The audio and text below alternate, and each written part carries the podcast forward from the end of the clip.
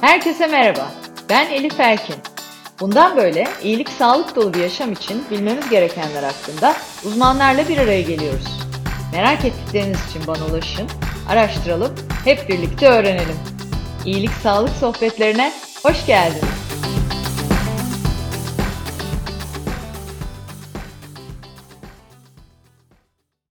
İyilik Sağlık Sohbetlerinin yeni bölümüyle karşınızdayım.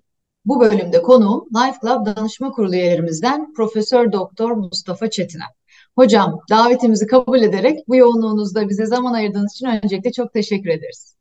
Ben de çok teşekkür ediyorum. Sizlerle olmak çok güzel. Çok teşekkürler. Sağ olun hocam. Bizim için de öyle. Ee, sohbetimize başlamadan önce sizi tanıyanlar çok ama ben kısaca bir yine de bahsetmek istiyorum e, sizden dinleyenlerimize.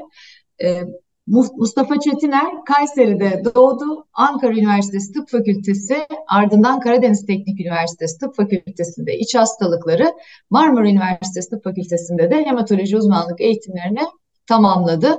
2004-2005 yılları arasında 6 ay Amerika Birleşik Devletleri, Chicago'da Northwestern Üniversitesi Robert Lurie Kanser Merkezi'nde hematopoietik kök hücre nakli ünitesinde misafir öğretim üyesi olarak çalıştı. 2006'da doçent, 2013 yılında profesör oldu. Türk Tabipler Birliği, Türk Hematoloji Derneği, American Society of Hematology, European Hematology Association, European Bone Marrow Transplantation Registry, Türk İç Hastalıkları Uzmanlık Derneği, Üniversite Öğretim Üyeleri Derneği, Kanser Savaşçıları Derneği gibi birçok ulusal ve uluslararası derneğe üye Mustafa Hocam. Kanser Savaşçıları Derneği'nin aynı zamanda kurucularından ve derneğin yönetim kurulu üyesi ve eş başkanı olarak da görev yapıyor. İki kez rektörlük üstün başarı ödülü ve iki kez tıp fakültesi dekanlığınca verilen ve öğrenci oylarıyla belirlenen öğrencilere danışmanlık vermek yoluyla öğrenimlerini kolaylaştıran öğretim üyesi ödüllerini almıştır. Mustafa Hocam'ı tanıyanlar zaten bilir. Ee, ulusal ve uluslararası çok sayıda bilimsel kongre, konferans ve aktivitede konuşmacı, oturum başkanı, organizatör, jüri üyesi ve katılımcı olarak bulundu.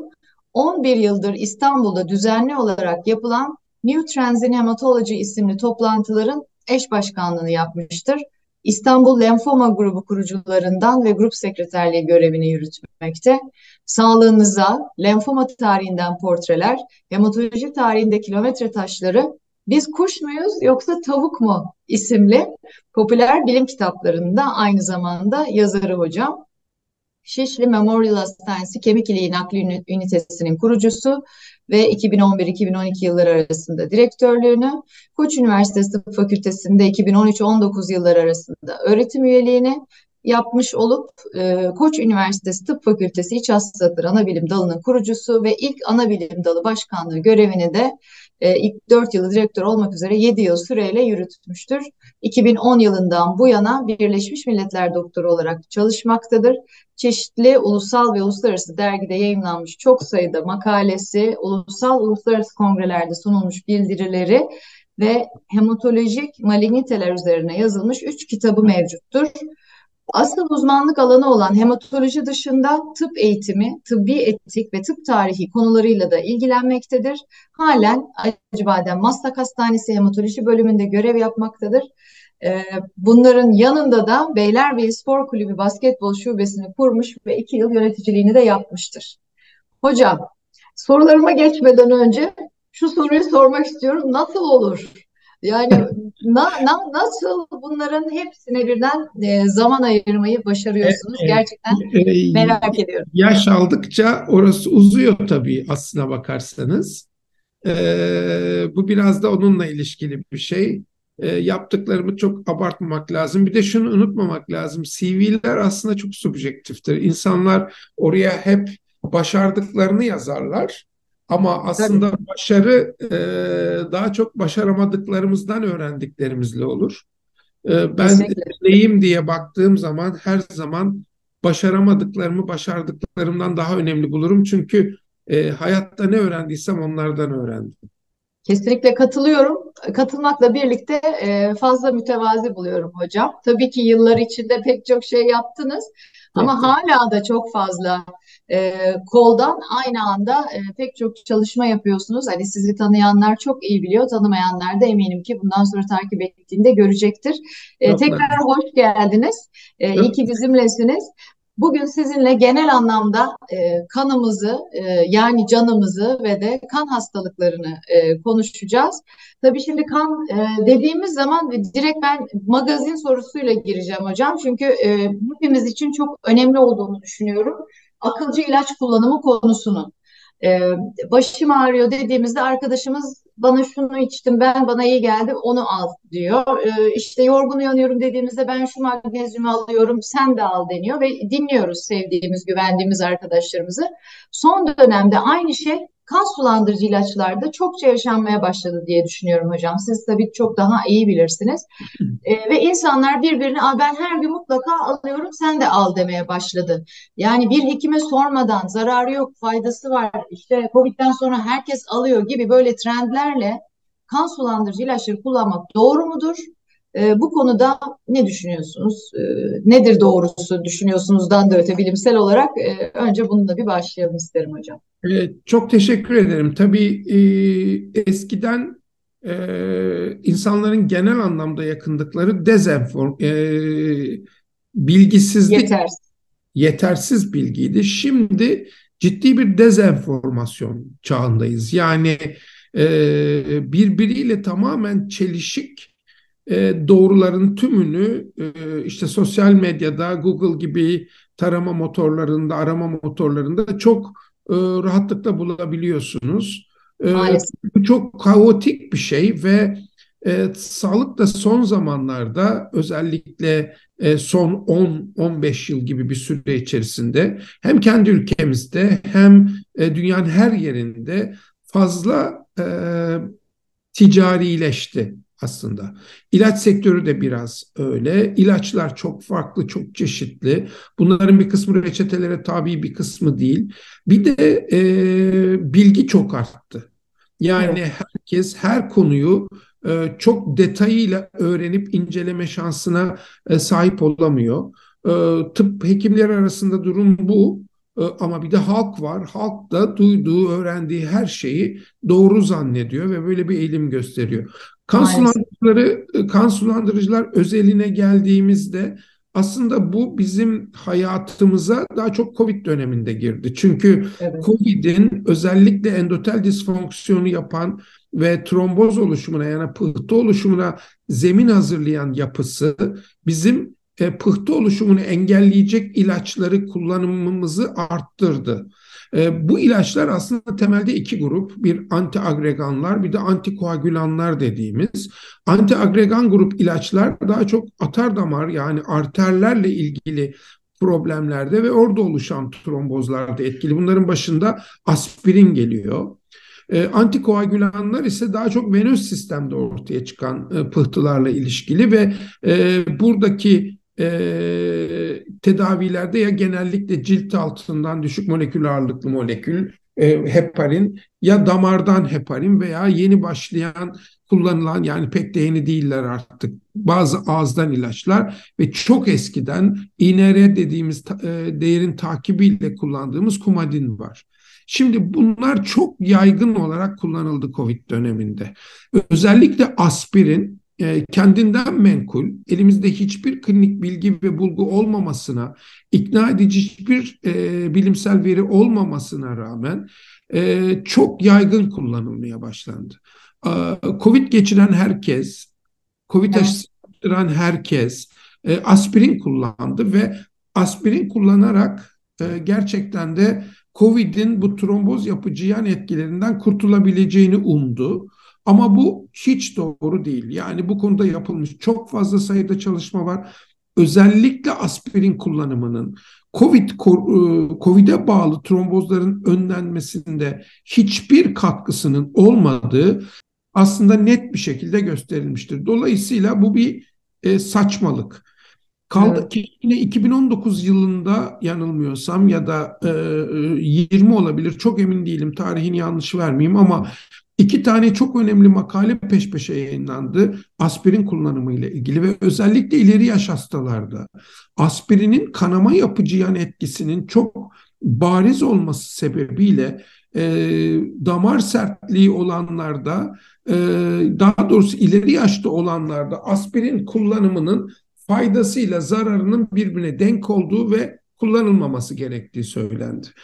Ve kimlerin kullanması gerektiği de çok net olarak bu makalelerde belirtildi. Yani koroner stenti olanlar, bypass ameliyatı geçirenler, koroner arter hastalığı olanlar filan bunlar da bu tedavilerin kullanılması gerektiği net bir şekilde gösterildi. Ama onun dışındaki gruplarda e, koruyucu olsun diye at bir aspirin olmuyor. Çünkü e, yine yapılan çalışmalar çok ciddi kanama e, riski evet. olduğunu ortaya koyuyor. E, bunda da şaşıracak bir şey yok. Çünkü biz bu ilaçları aslında pıhtılaşma kanama dem, dengesini e, kanamaya doğru yatırmak ve pıhtı oluşumundan e, insan organizmasını korumak için e, veriyoruz. Yapıyoruz. Dolayısıyla böyle bakıldığı zaman e, kanama beklenen bir şey. E, tabii bu kanamalar bazen çok ciddi boyutta oluyor. Mide bağırsak kanalından olabileceği gibi işte beyin gibi, e, batın içi gibi başka e, çok kritik organlara kanamalar şeklinde olabiliyor ve bize çok ciddi problemler yaratabiliyor. Özellikle beyin kanamaları insanın evet. bütün hayatını baştan sona değiştirebiliyor. O nedenle bunun çok dikkatli doktor kontrolünde kullanılması gerekir. Doktorların da bu konuda artık bu gelişi güzellikten bir şekilde kurtulması lazım. Yani bilginin çok yaygın olması e, doğru bilgiyi edinmek zorluğu yaratıyor. Ama aynı zamanda bu bir avantaj. Elimizin altında e, internet var ve doğru kaynaklardan, doğru bilgi, rehberlerden filan çok kolayca elde edilebilir. E, bu kullanımın çok e, kötüye kullanıldığını düşünüyorum ve gerçekten uzman kişiler tarafından tedavilerin planlanması gerektiğini söylüyorum. Bunun içine evet. aspirin de katmak lazım. Evet, çok çok önemli hocam. Altını çizmiş olalım sizin ağzınızdan da. Ee, özellikle ilaçların e, trendlere göre kullanılmasının e, çok büyük riski var ölüme kadar götürebilen. Bu az önce söylediğiniz konuya artık tabii tüm dünyada e, herkes farkında olduğu için bir isim vermişler. Siberkondri diyorlar hocam. Yani sürekli olarak internete bakıp e, hastalıklarla ilgili kendi hastalığını bir şekilde internetteki bildiği bilmediği güvenilir olmayan olan kaynaklardan bulma konusuna siberkondri deniyor ve çok ciddi bir sıkıntı. Bizim de zaten Life Club'da yapmak istediğimiz şeylerden biri sizin gibi uzman hekimlerimizin konusunda uzman kişilerin e, aslında ağzından çıkan araştırmalarına dayanan, e, yayınlarına dayanan bilgileri üyelerimizle paylaşmak ki yanlış bilgilendirme bu sefer zarara yol açmasın. Dediğiniz gibi e, kendimize fayda sağlamak için aspirin alıyoruz. Bu kanamaya dahi yol açabiliyor. Evet. Çok teşekkürler. Şimdi diğer konu da kan dendiğinde tabii kansızlık. Ee, Türkiye'de e, çok oransal olarak hani bir e, son güncel bir bilgi var mıdır kansızlığın yaygın olduğunu biliyoruz. Ee, özellikle kadınlar için de daha tehlikeli e, olduğuna dair okuyoruz, görüyoruz. Kansızlıkla ilgili bir bilgilendirme yapmamız da hani siz e, çok bu alanda zaten hani pek çok yazınız da var. Bilgilendirme yapmamız gerekirse hani bunu nasıl tespit edebiliriz? Bir, bir nasıl kendimizi bir kontrol ettirmeliyiz? Ve de nasıl sonuçta tedavisi vardır? Ne iyi gelir kansızlığa? E, bütünsel olarak bir bahsetmiş olalım hocam. Çok teşekkür ederim. Bence çok önemli bir konu. Ama önce bir şey, bir noktayı belirtmek isterim eğer izin verirseniz. Bir tanesi bu cyberkondriya tarımı ben ilk defa sizden duydum ve çok hoşuma gitti. Bugün evet. bana güzel bir şey öğretmiş oldunuz böylece. Hocam ee, ne mutlu bana yani. Bu çok nadir olabilecek bir şey. Çok şanslıyım. Çok çok çok, çok teşekkür ediyorum.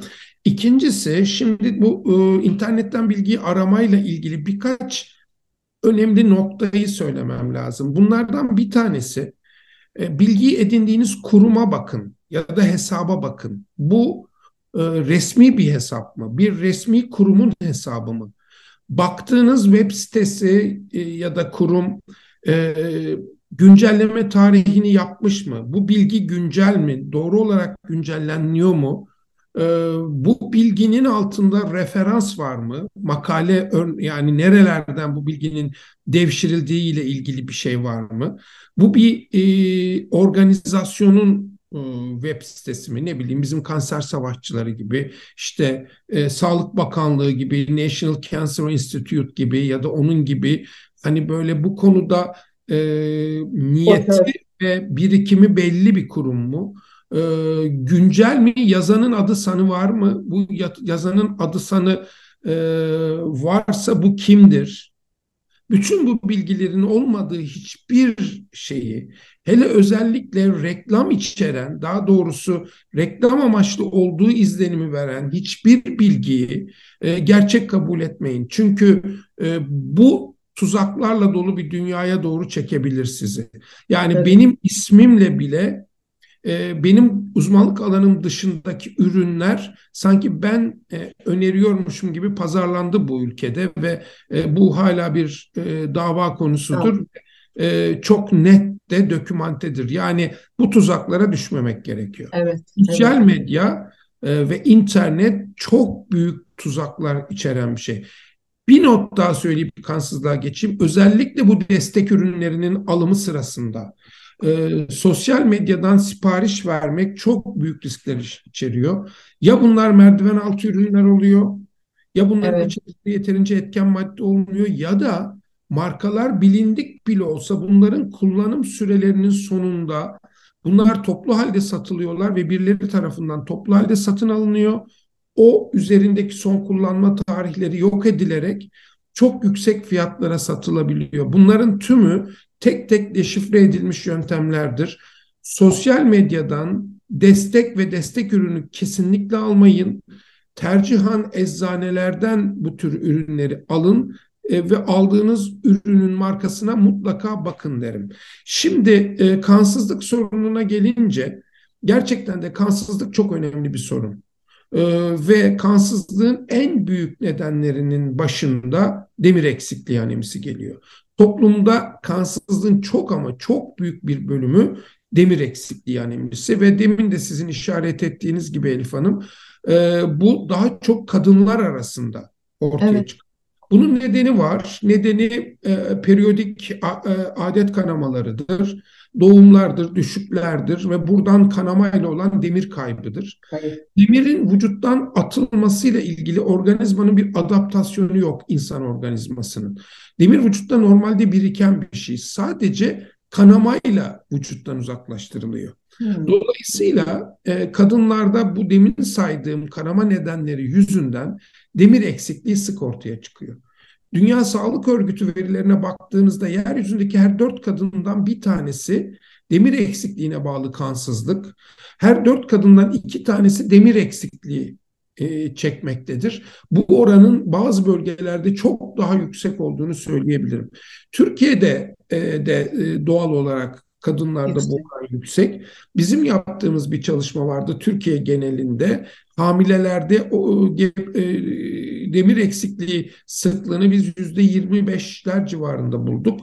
E, ama bu tabii sağlık merkezlerinde düzenli kontrole gelen gebeler, bir de kontrol dışı olan gebeler var. Bu oranlar yüksektir. Amerika Birleşik Devletleri'nde e, en iyi şartlarda yaşayan e, kadınlarda bile üreme çağında oran yüzde yirminin üzerindedir. Dolayısıyla bir kadın için demir eksikliği anemisi aslında e, olan bir şey, normal bile karşılanabilecek bir şey. Bunun nedeni kaybettiğimiz demir, kaybedilen demir miktarı ve vücuda alınan demirin e, emilimin sınırlı olması. Yani normal gıdalarla siz 5 mikrogram civarında bir demir e, organizmayı alabiliyorsunuz. Bu da aslında hiç de o kadar yeterli olmuyor. E, şimdi bu noktadan hareketle kadınlarda demir eksikliğinin mutlaka ekarte edilmesi gerekir. E, bunun için e, bir sağlık kuruluşunda yapılabilecek bir basit kan testleri bu tanıyı evet. kolaylıkla koyabilir. Demir eksikliği sadece halsizlik, yorgunluk, konsantrasyon bozukluğu, işte çabuk yorulma, bazen aşırı sinirlilik gibi bulgular değil, aynı zamanda saç dökülmesi, tırnak kırılması, bağışıklık sisteminin özellikle çocuklarda baskılanması, enfeksiyonla yatkınlık gibi birçok e, şeye de neden olabilir. E, bunun mutlaka tedavi edilmesi lazım. E, yine çok sık düşülen yanlışlardan bir tanesi şu, demir eksikliği, anemisini ya da demir eksikliğine bağlı kansızlığı birçok kişi bir hastalık olarak görüyor. Halbuki demir eksikliğine bağlı kansızlık ya da tek başına demir eksikliği, kansızlık olmadan yani bir hastalık değil, aslında bir bulgudur. Nasıl başınız ağrıdığında, başımın ağrısı işte gözlük numaram mı ilerledi, yüksek tansiyonum mu oldu, migren miyim gibi bir sebebe bağlıysa demir eksikliği evet. de bir sebebe bağlı olmalı. Yani aşırı adet kanaması, mide bağırsak kanalının bir yerinden kanama gibi.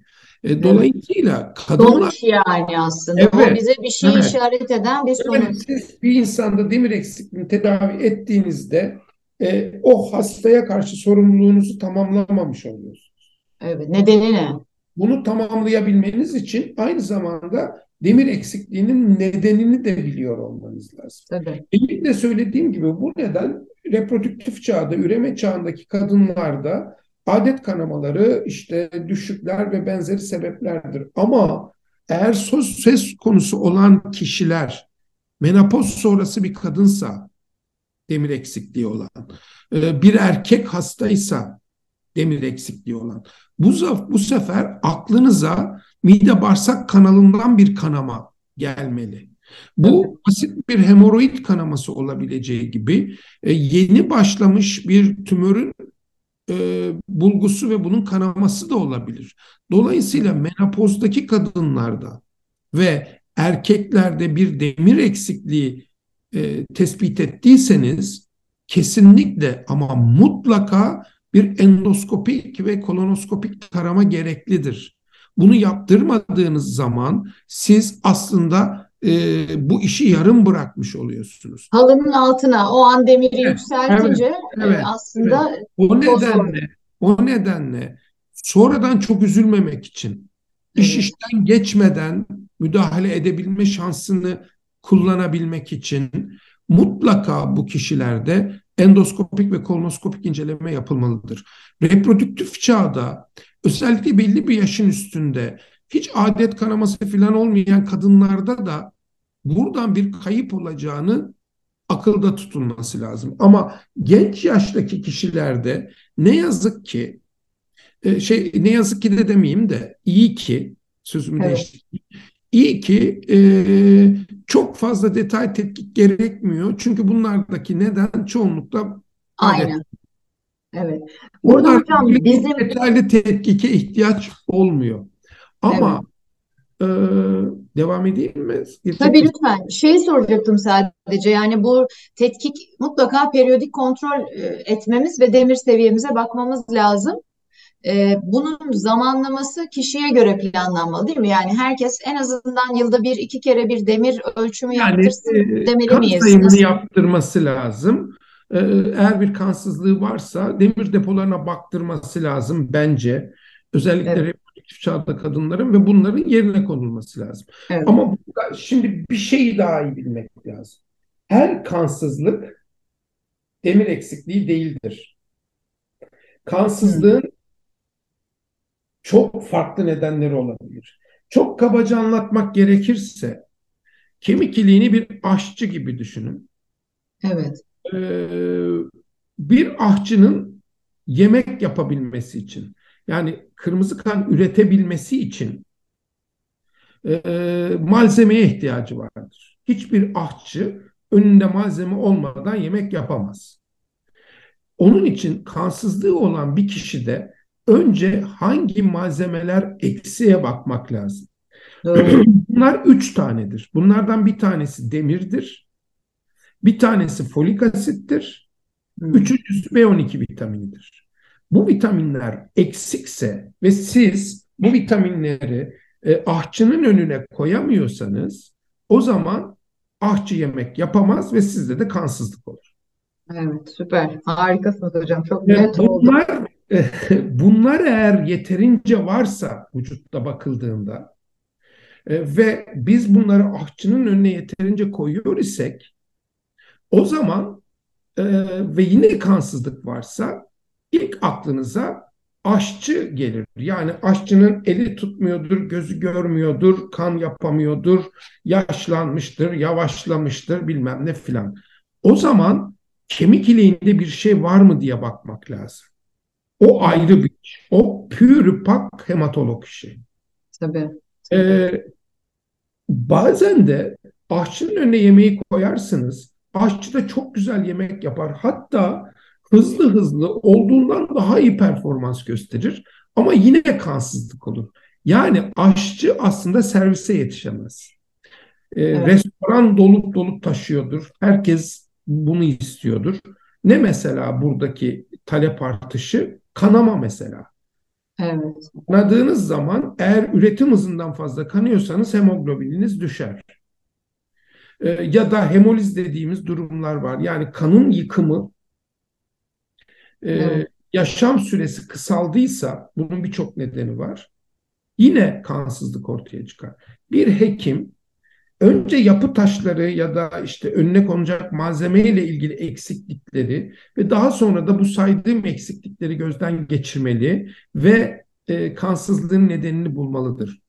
Tekrar söylüyorum. Kansızlık genelde demir eksikliği özelde hiçbir zaman bir hastalık değildir. Bunlar bir bulgudur. Bu Evet. bulguların doğru dürüst tedavi edilmesi için nedenin bulunması lazım. Kesinlikle hocam. Çok Elimizde, e, elimizde kırık bir bardak var. Hematoloğun işi bunu yukarıdan doldurmak. Ama bardağa boşalan yer kırık, çatlak her neyse bunu bulmak lazım. tabii. Yoksa boşalmaya devam edecek tabii. Evet, O anlık e, depo, depo dolup tekrar boşalıyor. O da e, çözüm olmamış oluyor. E, Kesinlikle. Çok teşekkürler. E, şimdi tabii hematoloji dendiğinde e, en sık hani kansızlık konuşuyoruz ama e, yaygın görülen hematolojik hastalıklara da şöyle bir genel bir bakış e, ile yaklaştığımızda hocam e, hangi durumlarda, hangi belirtilerde mesela çok güzel saydık kansızlık dediğimizde bu yorgunluk, bağışıklık sistemindeki düşüklük, e, sık hastalanma, halsizlik vesaire bu bize bir şey işaret ediyor. Vücudumuz bize bir alarm veriyor, harekete geç diyor. Bunun dışında kanla ilgili ya da hematolojik e, hastalıklarla ilgili hangi belirtilere dikkatli olmalıyız? Ee, şimdi kemik iliğinin fonksiyonlarına göz önüne alırsak bunları tahmin etmek kolay. Kemik iliği üç farklı temel hücre grubunu üretiyor. Bunlardan bir tanesi kırmızı küreler. Demin Evet, sözünü ettik. Bunlar vücuda oksijen taşıyan hücrelerdir e, dokulara. İkincisi damar içerisinde damar sistemi içerisinde damar duvarı sürekli hasarlanır ve sürekli e, tamir edilir. İşte bu tamirattan sorumlu ve orada hasar olduğunda orayı tıkayan ve kanın dışarı çıkmasını engelleyen yani kanamayı engelleyen hücre grubu yani trombositler. Üçüncüsü de e, çok genel anlamda söylersek vücudumuza zarar verecek olan e, faktörleri ortadan kaldıran, başlıca enfeksiyonları, virüsleri, bakterileri yok eden, e, vücuttaki yabancı maddeleri e, ortadan kaldırmaya çalışan beyaz küreler. Bunlar birçok gruba ayrılır. Lenfositler, nötrofiller bilmem ne filan falan diye. Ve hatta burada bir parantez açıp söyleyeyim. Otoimmün hastalık dediğimiz işte bu bağışıklık sistemi hücrelerinin aşırı uyarılıp kendi hücrelerini de yabancı salıp saldırması. Mesela Covid'de insanlar o nedenle ölüyordu. Çünkü o kadar uyarılıyordu ki bağışıklık sistemi kendi vücuduna saldırmaya başlıyordu. Yani bu üç temel hücreyi üretirler. Dolayısıyla evet. bu üç temel hücrede üretimde ortaya çıkan problemler hematolojik hastalıklardaki bulguları ortaya çıkartır. Eğer mesela kemik iliği pıhtılaşmayı sağlayan o trombositleri yeterince yapamazsa kanamalar. Çok fazla yaparsa onların oluşturduğu pıhtılar, bulgular olarak ortaya çıkabilir.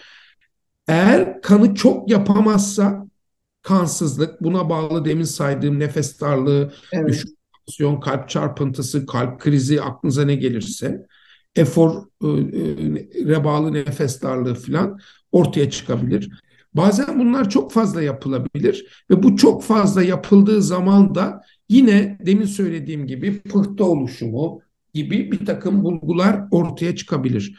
Eğer sizin bağışıklık sistemi hücreleriniz yeterince hücre üretmiyorsa, e, vücudunuzun savunmasını yeterince sağlayamıyorsa o zaman bakteriler, bakteriyel enfeksiyonlar, viral enfeksiyonlar, fırsatçı enfeksiyonlar bunların hepsi organizmanızda bir hastalık yaratır, e, enfeksiyona neden olur e, ve onunla ilişkili bulgular ortaya çıkar. Yani kanama, kansızlığa bağlı bulgular ve enfeksiyon en önemli sebeplerdir, e, en önemli bulgulardır e, kan hastalıklarında. Kan hastalıklarının temelinde e, kanı üreten kök hücrenin giderek şey gibi düşünün kök hücreyi bir anne hücre gibi düşünün.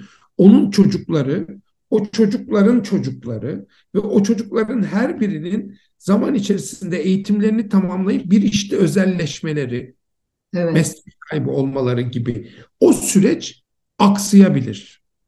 Tabii. Yani kemik iliğinin mesela nötrofile ya da bakteri, bakterilere karşı işte virüslere karşı lenfositlere falan ihtiyacı olduğu halde gereksiz bir sürü başka e, hücre üretmesi gibi.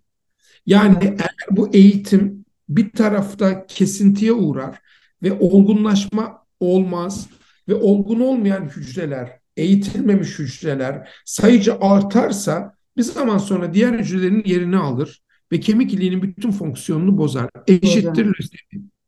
Evet oradan da tabii. Lösemi dediğimiz şey bu. Bir ülke gibi düşünün. Bir ülkenin içerisinde bir nüfus patlaması var ve patlayan bu nüfusun kişileri hiçbir e, donanıma sahip değiller. Zaman içerisinde sayıca çok artıyorlar. Donanımları bir tarafa doğru ittiriyorlar ve hakimiyeti ele geçiriyorlar. Bu eşittir lösemi. Evet, hiç öyle bir ülke evet. hayal edemiyorum hocam. Ben Ama... edebiliyorum. Neyse olabiliyor yani. Ee, yani bu ve bunun gibi e, birçok kan hastalığı var. Her kan hastalığı nasıl karaciğerin, nasıl akciğerin tek hastalığı kanser değilse Tabii. kemik iliğinin de tek hastalığı kanser değil. Ee, demin de söylediğim gibi tek bir serinin fazla yapılması ya da olduğundan fazla yapılması bunların her biri eşittir lösemi değil. Birçok kemik iliği hastalığı var. Bazen nasıl kalp yetmezliği, böbrek yetmezliği ortaya çıkıyorsa insanlarda kemik iliği yetersizliği de ortaya çıkabiliyor. E, bu ve bunun gibi durumlar. Burada tanı hematoloğun işidir. Tabii. Hematolog bu tanıyı koyarken önce kemik iliğinin içinde ne oluyor onu bilmek ister. Yani bu şey gibi karanlık bir odaya giriyorsunuz ve bir şey arıyorsunuz. Sonra e, o karanlık odada biri lambayı yakıyor ve siz aradığınızda aramadığınızda her şeyi görüyorsunuz. Kemik iliği öyle bir şey. Kemik evet. iliği incelemesi öyle bir şey. Ama bunu tek başına yaptığınızda da yeterince bilgi edinemiyorsunuz. Çünkü bu anormalliklerin nedenleri kendiliğinden olmuyor. Bunların hepsi genetik yap yapımızdaki anormalliklerden oluyor. Bu anormallikler doğuştan geçen ve bundan sonraki e, kuşaklara aktaracağımız aktaracağımız anormallikler değil. Bunlar yaşam içerisinde ortaya çıkıyor. Radyasyona maruz kalıyorsunuz kromozomal yapılarınız bozuluyor, lösemi oluyorsunuz. Benzene maruz kalıyorsunuz, yine lösemi oluyorsunuz. Ama her benzene maruz kalan lösemi olmuyor. Olmuyor. Çünkü iç de, dengelerimiz, dış dengelerimiz bunlar arasında bir balans oluyor ve e, buradan tanıyı koyuyoruz ve ondan sonra da tedavi ediyoruz. Evet. Bu sadece kemik iliği değil, lenf bezi hastalıkları, lenfomalar filan da e, bu bu e, şeyin içerisine dahildir. Evet, çok teşekkürler hocam. Yani bir kere kemik iliğinin e, rolüne ve önemine dair çok çok aydınlatıcı oldu. E, sonrasında da onun yol açtığı e, vücudumuzdaki, sağlığımızdaki ve de yaşamımızdaki e, olumsuzluklara dair de çok kıymetli bilgiler oldu. Çok teşekkürler. E, kan kanserine de dokunmuş olduk tabii. Hani kan kanseri de e, farklı farklı türleri e, olan bir kanser türü maalesef ki hani hepimizden uzak olsun. E, buradaki hani şimdi kemik iliği, akyuvar, alyuvar ve trombositleri ürettiği için onlar üzerindeki etkisi az üretimde de çok fazla üretimde de e, netleşmiş oldu e, bizim açımızdan. E, kan kanseri e, ile ilgili nasıl bir bilgi verebiliriz hocam? Yani e, çok çeşidi var ama hani hangi semptomlar burada da yani mutlaka tabii ki her zaman altını çizelim. Periyodik sağlık kontrolleri çok kıymetli. Erken teşhis çok kıymetli. Ee, bir şeyin ipin ucunu yakaladığımız zaman onun peşinden gitmek işte o hematologların yaptığını söylediğiniz sadece demiri yükseltmek değil de bu demir neden azalıyor? E, rutin bir e, adet kanaması mıdır tek nedeni yoksa altında başka bir şeyler var mı araştırması gibi e, nasıl ilerlemeliyiz? Periyodik kontrollerin dışında neler bizim için alarm e, olmalı? Hangi semptomlarda şüphe duyup e, bir düğmeye basmalıyız? Valla bu soru bana sorulduğunda özellikle akut lösemilerde yani alelacele çok hızlı tedavi gerektiren lösemilerde bizim için e, ben diyorum ki zaten hiç bunu bana sormayın zaten hastaneye gelirsiniz. Yani e, ya e, gerçekten ölümcül bir halsizliğiniz olur ee, hiç beklenmedik kanamalarınız olur. Hiç geçmeyen enfeksiyonlarınız, olmadık yerde apseleriniz filan ortaya çıkar ve siz hem, e, bir, bir e, sağlık kurumuna gelirsiniz. Şimdi e, bunlar akut lösemiler. Hızla ortaya çıkan lösemiler. Evet. işte demin söylediğim olgunlaşma sürecinin orta bir yerinde tamamen bir kesinti olur. Asla olgun ve fonksiyon gören hücreler yapamaz kemik iliği. Yapamadığı için de kemik iliği fonksiyonu paralize olur. Ve gereksiz hücre sayıları artar. 100 bin, 150 bin gibi bazen çok inanılmaz beyaz küre sayıları görürsünüz ama hiçbirinin hiçbir fonksiyonu yoktur. Bir işe yaramaz hücrelerdir yani. Böyle evet. bir durumda e, böyle bir durum ortaya çıktığında acilen tedavi gerekir. E, kronik lösemiler biraz daha farklıdır. Onlarda e, bu e, hücrece sayı çok hızlı artar ama hücrelerden bazıları matürleşebilir. Yani iş güç sahibi olabilirler. Yani e, işte e, eğitimli zamanlar. Evet, nötrofil olur, lenfosit olur, eritrosit olur, trombosit olur ve iyi kötü işlerini götürürler. o kuru kalabalığı besleyebilirler bir anlamda. Ve o kuru kalabalık nedeniyle de organizma bir zarar görür ama acilen müdahale edilecek ölümcül bir zarar değildir. Daha e, yönetilebilir. Yönetilebilir bir zarardır. Akut lösemilerde hasta geldiği zaman bir kere çok hızlı tanı koymak lazım. Yani bu ne tür bir akut lösemi ve o kesinti o olgunlaşma sürecinin neresinde ortaya çıkmış. Ne kadar immatürse o kadar kötü tabii. Ee, ve genetik anormallikler ne? Bazı genetik anormallikler çok kötü seyreder. E, bazıları nispeten daha iyi seyreder. Bunları iyi dokümant etmek gerekir ve tedaviye başlamak gerekir. Tedavide ilk yaptığımız şey hala bugün e, birçok yeni ilaca rağmen e, hala bugün yaptığımız tedavi kemik iliğinde iyisi kötüsü işe yarayanı yaramayanı ne varsa ortadan kaldırmaktır. Yani kalabalığın arasına e, makinalı tüfeklerle dalıp önümüzü evet. yok etmektir. Yani kemoterapi aldığı zaman evet. bir kişi kemik iliği tarumar olur. E, evet. Ne iyi hücre kalır ne kötü ne hücre. Kötü. Ve o kemoterapiden sonraki süreçtir. O kemoterapideki dönemdeki e, süreç yani sonraki süreçte biz ne yapıyoruz? Bir, tamirat. E, ta, e, destek aslında tamirat gibi'den çok ne yapıyoruz? İşte trombositi yapamıyor kemik iliği biz trombositi dışarıdan veriyoruz. Evet. E, kanı e, kırmızı kanı ürete, üretemiyor biz kanı dışarıdan veriyoruz.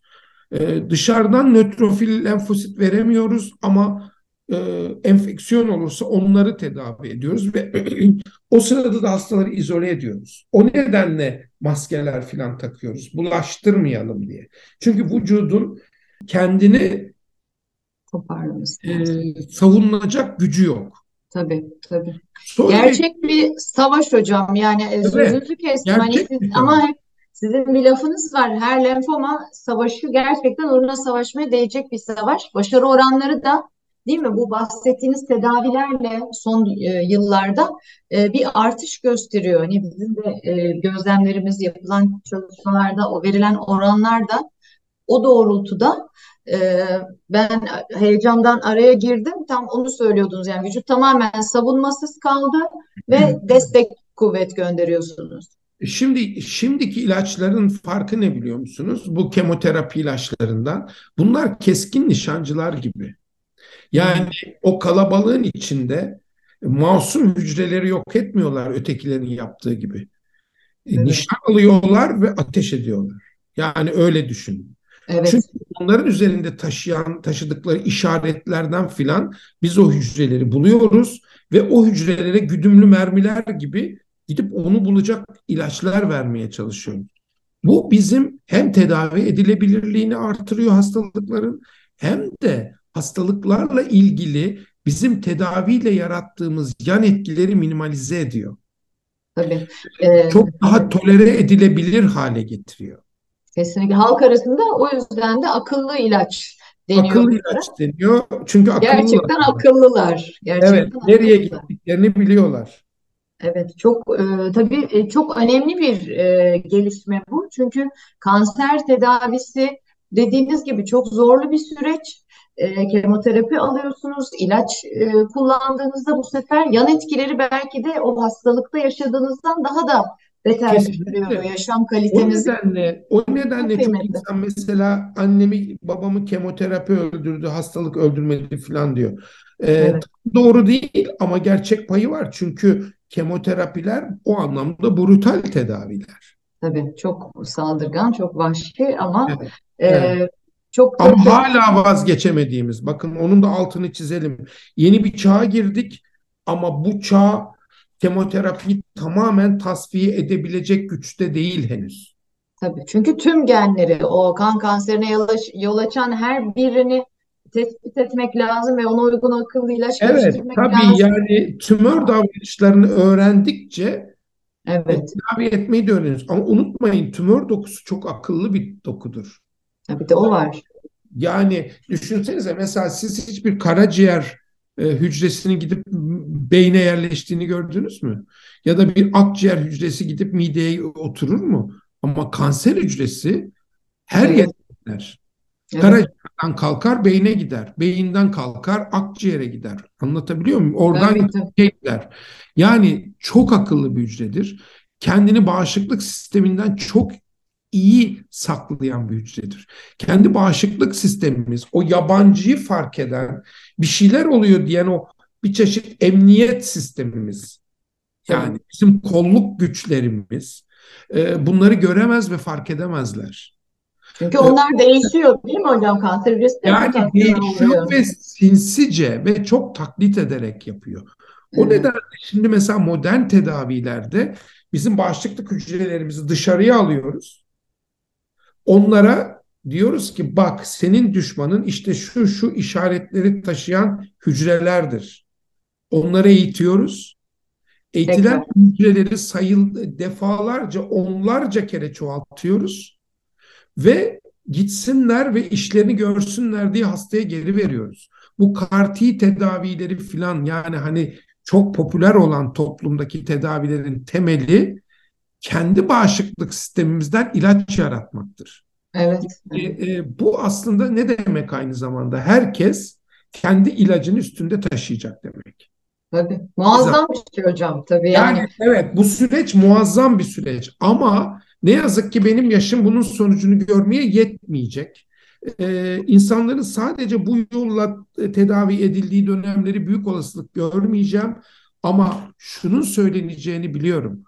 Bundan 100, e, 100 yıl önce diyecekler mesela 2000 değil 3100 yılında Ee, insanlarda tümörü tedavi ediyoruz diye kesiyorlarmış cerrahi, zehirliyorlarmış kemoterapi, İlaç. yakıyorlarmış radyoterapi diyecekler. Bunu, bunu biliyorum. Evet, Yani evet, her çok şey çok büyük bir hızla değişiyor. Ama Evet, ne yazık ki bizim hastalarımızın o zamanları bekleyecek vakitleri yok. O nedenle elimizdeki imkanlar neyse evet. ona yüklenmeliyiz. Bu bir, bir şey daha söyleyeyim yeri Tabii gelmişken. hocam. Çok ıskalanan, çok önemsenmeyen bir başka konu daha var. Bu çok önemli kanserde. O da e, biz kanseri hep geç tanıyoruz. En Evet. erken tanı bile geçtir.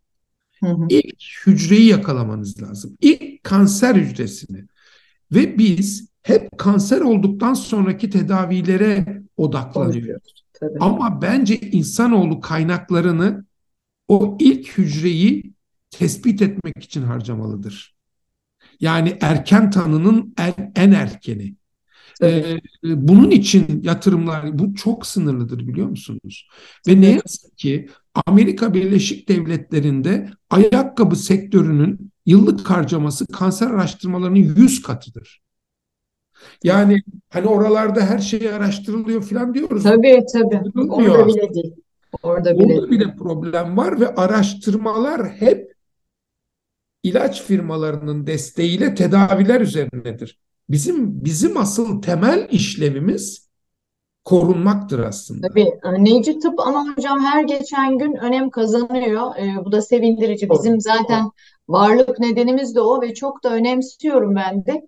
Çünkü e, ufacık bir semptom bile gördüğümüzde geç aslında dediğiniz gibi. Yani e, biz daha farkında bile değilken bu işi tespit edebilirsek Evet, yönetmek çok daha kolay. Biz bunu e, bazı üyelerimizle yaşadık e, ve sonuçlarını da çok mutlulukla gördük. E, o yüzden bu söylediğinizin altını bir daha çizmek isterim. Yani o ilk hücreyi yakaladığımız zamanki uğraşımızla e, bir semptom görüp halsizim diye gittiğimiz zamanki uğraşımız, zamanımız, maliyet Yüzde yüz. Yüzde yani yüz 10 öyle. kat artıyor. Ben tabii çok umutluyum çünkü şimdi e, hani çalışmalarda şunu söylüyor araştırmalarda son 20 yılda tıpta 200 yıllık gelişme oldu. E, teknolojik anlamda e, sadece ilaç değil işte tarama yöntemleri, tedavi yöntemleri vesaire. Umuyorum ki önümüzdeki 20 yılda bir 200 yıl daha ilerlersek inşallah böyle uzun sağlıklı yaşama doğru koşmaya devam edeceğiz. Çok de. teşekkürler. Çok önemli Ben- bilgiler oldu. Eminim ki dinleyenler için de öyle oldu. Ben de not alarak dinledim yine. Ee, şimdi bir de şeyi çok söylüyorsunuz hocam. Yani kan konuştuk bugün. Ee, kanımız canımız dedik. Kan vermeyi de bir e, konuşmak isterim. Yani Ama siz Türkiye'de çok büyük bir problem. evet E, e, Türkiye'de birçok sebep yüzünden. Bunun içerisinde mesela Covid var. tabii E, kan bağışları miktarları çok düştü. İnsanların e, bir takım e, sebepler yüzünden, onların konuşulma yeri burası değil ama e, Kızılay'a olan inançları azaldı. E, ve e, Türkiye'de zaten kan bağışçısı olan kişilerin çok büyük bir bölümü entelektüel, e, farkındalığı yüksek, eğitimli kesimlerdi ve bu eğitimli kesimlerin tepkisi e, bizde ciddi bir probleme dönüştü. Ama şunu iki tane noktayı söylemem lazım. Daha uzun konuşmak istemiyorum. Birincisi Kızılay e, ne olursa olsun her koşulda Türkiye'nin, Türk insanının yıllardan beri besleyip büyüttüğü ve bizim canımız, kanımız, bir parçamız bir kurumdur. Bir kere Kızılay'ı e, belli etiketlerle e, hırpalamaya çalışmak çok yanlıştır. İki, kan bağışı yapmaktan vazgeçmek, sebebi ve gerekçesi ne olursa olsun bence kabul edilemezdir. Çünkü bizim pratik olarak hastalarımızla yaşadığımız zorlukları bir gün e, gelip birkaç saatliğine gözlese insanlar bu tavırların hiç de e, anlaşılır ve haklı olur bir tarafının olmadığını fark edecekler. Bizim bütün toplumun görevi kan bağışı yapmak. Bu Evet. çok önemli. Bizim toplumun büyük bölümünün görevi organ bağışı yapmak. kemik iliği bağışı yapmak bunlar hayat kurtarır. Ve bunları yapmak konusunda da Türkiye Cumhuriyeti Devleti'nin altyapısı, e, imkanları son derecede uygundur. Bizim bu konuda hiçbir ayrım gözetmeksizin e, bu konuya derin sahip çıkışımız gereklidir. Ben size net olarak söyleyeyim bu konudaki düşüncemi. E, yani bizim gibi hani daha e, her şeye kolay ulaşan merkezlerde hasta tedavi etmek falan kolay. Yani biz biliyorsunuz yani Türkiye'nin en gelişmiş olanaklarıyla hasta tedavi ediyoruz. Tabii Ama e, çok daha zor koşullarda kan ve kan ürünlerine uğraşımın zorluk zor olduğu durumlarda insanlar bir hiç yüzünden yaşamlarını kaybedebiliyorlar. O nedenle kan bağışı konusunun e, altını iyi çizmek gerekiyor kan bağışlamanın bize bir zarar vermediği, sağlık açısından hiçbir zarar vermediği, hatta olmadı. bazen iyi bile olabileceği söylenebilir. Hele bu gelişmiş e, mikrobiyolojik yöntemlerle filan kan vermenin riski o kadar ama o kadar minimaldir ki bizim yapmamız gereken belki ben şunu düşünüyorum. Hatta biz bununla ilgili kanser savaşçıları olarak da aktiviteler yapmıştık. Kan bağışı yapanları ödüllendirmek lazım. Ne bileyim ben bir konser bileti, işte bir günlük bir tatil, ne bileyim ben. Yani bir gün idari izin sayılmak falan gibi. Yani bu ve bunun gibi e, bir takım özendirici e, yollara başvurmak lazım. Bu Avrupa'nın çoğu yerinde yapılıyor. Bir evet. de insanların e, işte bilmem nerelere otobüslere, kamyonlara binip şey e, metrolara binip falan bir yere kan vermeye gitmesini beklemek de biraz hayalcilik. Öyle kritik merkezi yerlerde siz kan bağış merkezleri ya da bağış oto araçları falan yerleştirmelisiniz ki insanlar oralarda kan vermeli. Bunları yapmak lazım. E, bu, bu konularda biraz farkındalığı artırmak lazım. Hadi gelin verin demekle olmuyor bu işler. Evet. Ee, kolaylaştırıcı e, olmak lazım. Evet. Bir de ben şuna çok inanıyorum. Yani bu inancımın doğruluğunu da bu son deprem sürecinde gördüm. Türkiye'deki insanlar son derece duyarlı aslında. Çok. Kimse Türk insanının duyarsız olduğunu söyleyemez. Türk insanının bu konuya aldırmıyor olduğunu söyleyemez doğru anlatılması gereklidir ve bu iş bizim üstümüze düşüyor. Eğer burada bir azalma varsa bence bunun sorumlusu bizleriz. Bu konuda çok daha ciddi adımlar atabiliyor olmamız gerekir bence. Doğru yönlendirme, bilgilendirme çocukluk çağından itibaren hatta. Çünkü e, hayat kurtarıyor. E, evet, e, kesinlikle. Muazzam bir şey. Yani e, önemli tartışılmaz. Evet.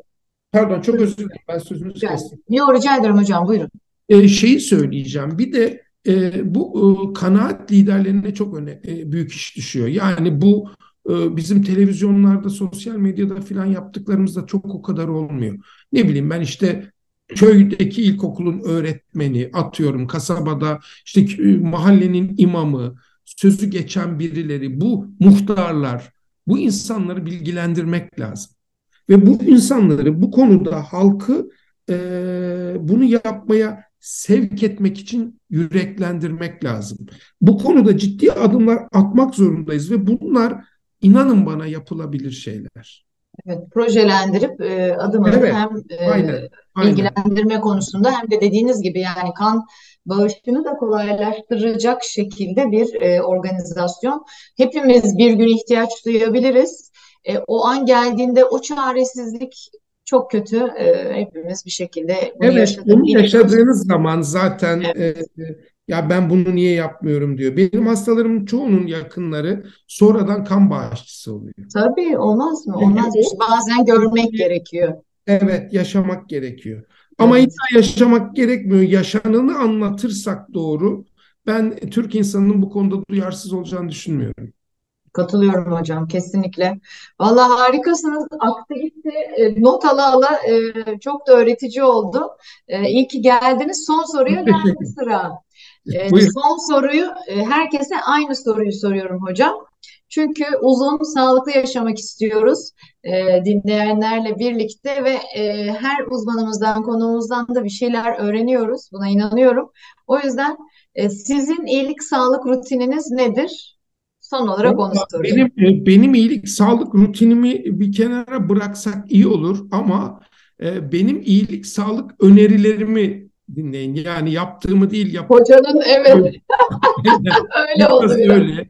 Valla şimdi e, geçtiğimiz yıllarda bundan yine birkaç yıl olmuştur tam tarihini söylemeyeceğim. Amerikan Kanser Derneği, National Cancer e, Society ve e, Amerikan Diyetisyenler Birliği'nin bir diyet önerisi vardı. Bir kere önce şunu söyleyeyim. Onlarca diyet denendi.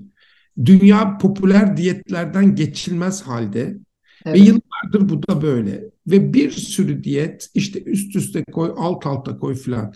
Yapılan çalışmalar bu popüler diyetlerle kilo verenlerin ve bu popüler diyetlerle sağlıklı yaşamaya çalışanların yüzde sekseninin iki yıl sonunda aynı kiloya geri döndüğünü gösteriyor. Kesinlikle katılıyorum hocam. Burada e, yapılması gereken şey bir yaşam tercihidir ve bir yaşam biçimidir. E, en doğru yaşam biçimi nedir? Yine hiç kuşkusuz çünkü bu konuyla ilgili o kadar çok yayın var ki hiç bu işe böyle çetrefilli, e, gizemli işte e, bazı bir takım insanların çok iyi bildiği ama birçok insanın bilmediği sadece bir avuç insanın bildiği bir yaşam sırrı gibi filan bakmamak lazım. Çok basit. Ee, iyi yaşam eşittir Akdeniz tipi yaşamdır.